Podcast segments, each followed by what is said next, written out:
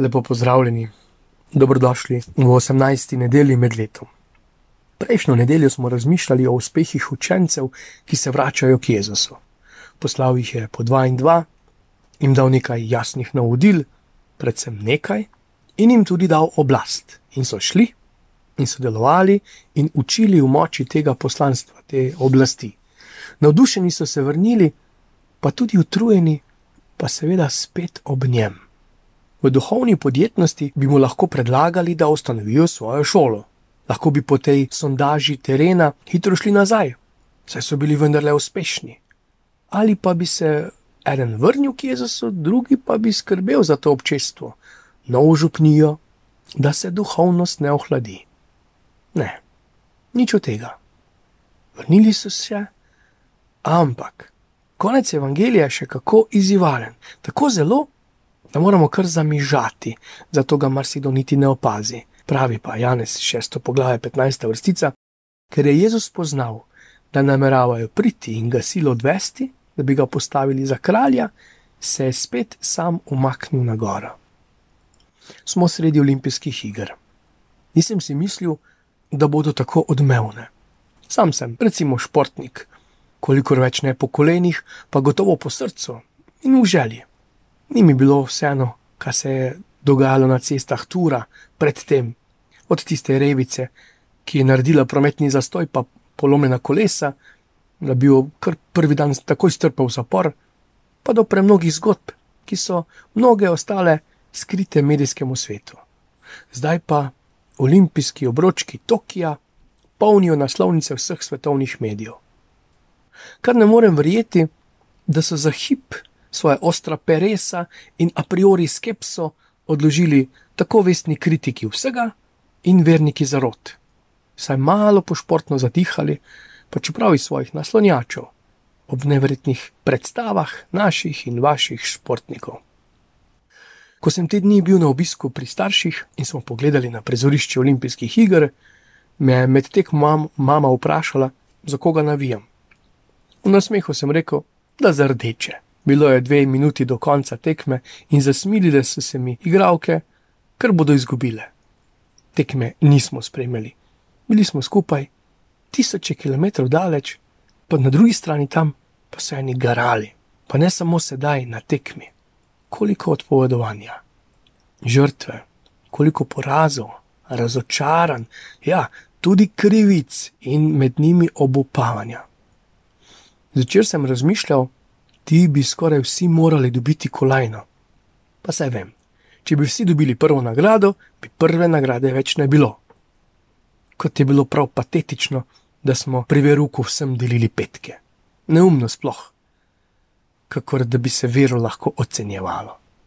Kot da bi na olimpijskih igrah finale ocenjevali šalo, ki jo je Roglič povedal novinarjem, in malo bi pogledali, kakšen okus za oblačenja ima trstenjakova. Ampak kdo bi se pa branil zlatega odličja? Vsa leta je garal, treniral, saj so končno vsi športniki v Tokio prišli ravno zato, da zmagajo. Važno je sodelovati in ne zmagati, smo si večkrat ponavljali in tiho dodajali, govorijo tisti, ki tekmo izgubijo. Razmišljam o človeški naravi. V enem iz izjemnih filmov, Tri idioti, ravnatelj fakultete in najpomembnejši, najvidnejši profesor, deležen velikih dosežkov, svoje bodoče študente sprašuje, koliko si res želijo popolnosti, perfektnosti, in jih nagovarja k tekmovalnosti, k zmagi. Vpraša jih, če vedo, kdo je drugi stopil na Luno in hitro doda: Ni pomembno, koga pa to zanima. Zanima nas, kdo je prvi korak po njej. V času študija se mi je zgodila zanimiva dogodivščina. Študenti teološke fakultete nismo imeli v predmetniku telesne vzgoje, pa sem se odločil in začel sam hoditi na rekreacijo. Enkrat na teden smo šli fanti na igrišče, po jutrih sem tekel, enkrat na teden pa sem šel plavati Nekajkrat sem se srečal s študenti drugih fakultet. Po pol leta smo se spoznali malo pobliže, se predstavili tudi s profesorico njihove telovadbe. In nekaj tednov zatem me čakala, me nagovorila, naj se prijavim na tekmovanje v plavanju. Sam sem bil na plavanju zgolj ljubiteljsko, niti ne rekreativno. In še to bolj zato, ker sem trmast. Pa mi je rekla, vse fakultete bodo zastopane, zakaj bi še teološka ne bila? Seveda sem si izgovarjal, pa mi je rekla, pa naj bo. 50 let se niste smeli pojavljati, niste smeli biti prisotni v javnosti, zdaj, ko pa bi se lahko, se pa bojite. In je bilo kaplja čez rob, sem se prijavil, nagovoril še tri bogoslovce, da smo plavali tudi v panogi štafete. Ni potrebno posebej razlagati, da smo bili kot jamajčani na ledeni bobstezi. Kakorkoli, sodelovali smo, družili smo se, se nasmejali, ampak na koncu ob slovesnih razglasitvah šok. Pri razglasitvi posamično, kravl, za drugo mesto, slišim svoje ime. Pa ker smo klepetali in se pogovarjali, nisem polagal prevelike pozornosti. Čez čas zopet in smo vsi prisluhnili.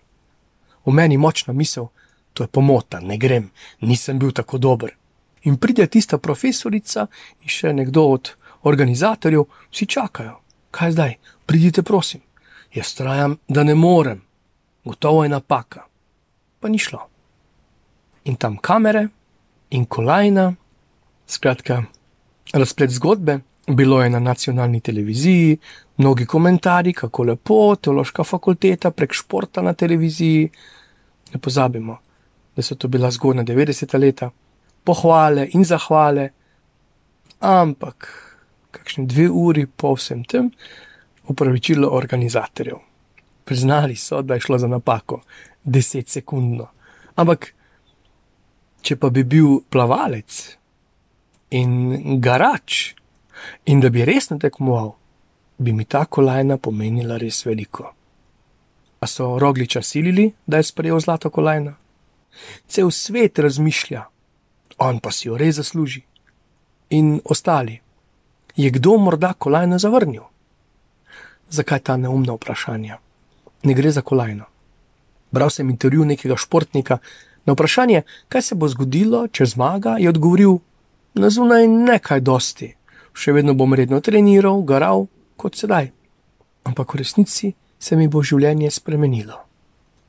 Privoščim sem športnikom, da se jim življenje izpolni, napolni, o vsebini, ker končno število kolajn je omejeno in redki bodo zlati. Mnogi pa bomo ob njih nagovorjeni, uspodbojeni, na novo bomo pogledali v življenje. Kaj se bo večini nam zgodilo, ko bo konec olimpijskih iger? A spet klasične nadaljevanke? Upam, da jih vsaj zdaj ne gledate toliko.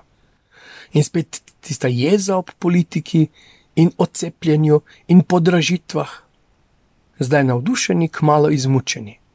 In v prvih večjih stiskah kakor Izraelci v brilo, o zakaj nam je tega treba. Imamo neko krščansko upanje, ampak iz tega ni nič opremljivega, nič konkretnega. Oni so rekli: Sedeli smo pri loncih mesa. Aron je vljuden, Mojzes pa preveč božji, da bi jim rekla: A res? Neumneži, morda ste res sedeli pri loncih za meso, a bili so prazni. Sedeli ste pri oddajah in filmih in prireditvah, ki dajo trenutno zadovoljstvo. Razburkajo vaš sivi vsak dan, to da lakota ostaja in se še poglablja. Verjamem, da je svet vsaj zdaj malo boljši zaradi olimpijskih iger in naše osredotočenosti na te športnike. Boljši pa je tudi vsak dan, saj ti športniki gredo v svet in tam živijo svojo zagnanost, poštenost, borbenost, solidarnost. Čakaj, a se nismo spotikali nad državniki, da športniki naredijo več za razpoznavnost naše domovine, kakor naši diplomati? No, zdaj pa že kar kristijani računamo, da bodo športniki prevzeli tudi poslanstvo, oznanjevanje, pričevanje. Ne, dragi kristijani to bo ostala kar tvoja in moja naloga. Ob sveti Marti, ki je godovala ta teden, se lahko zamisliva.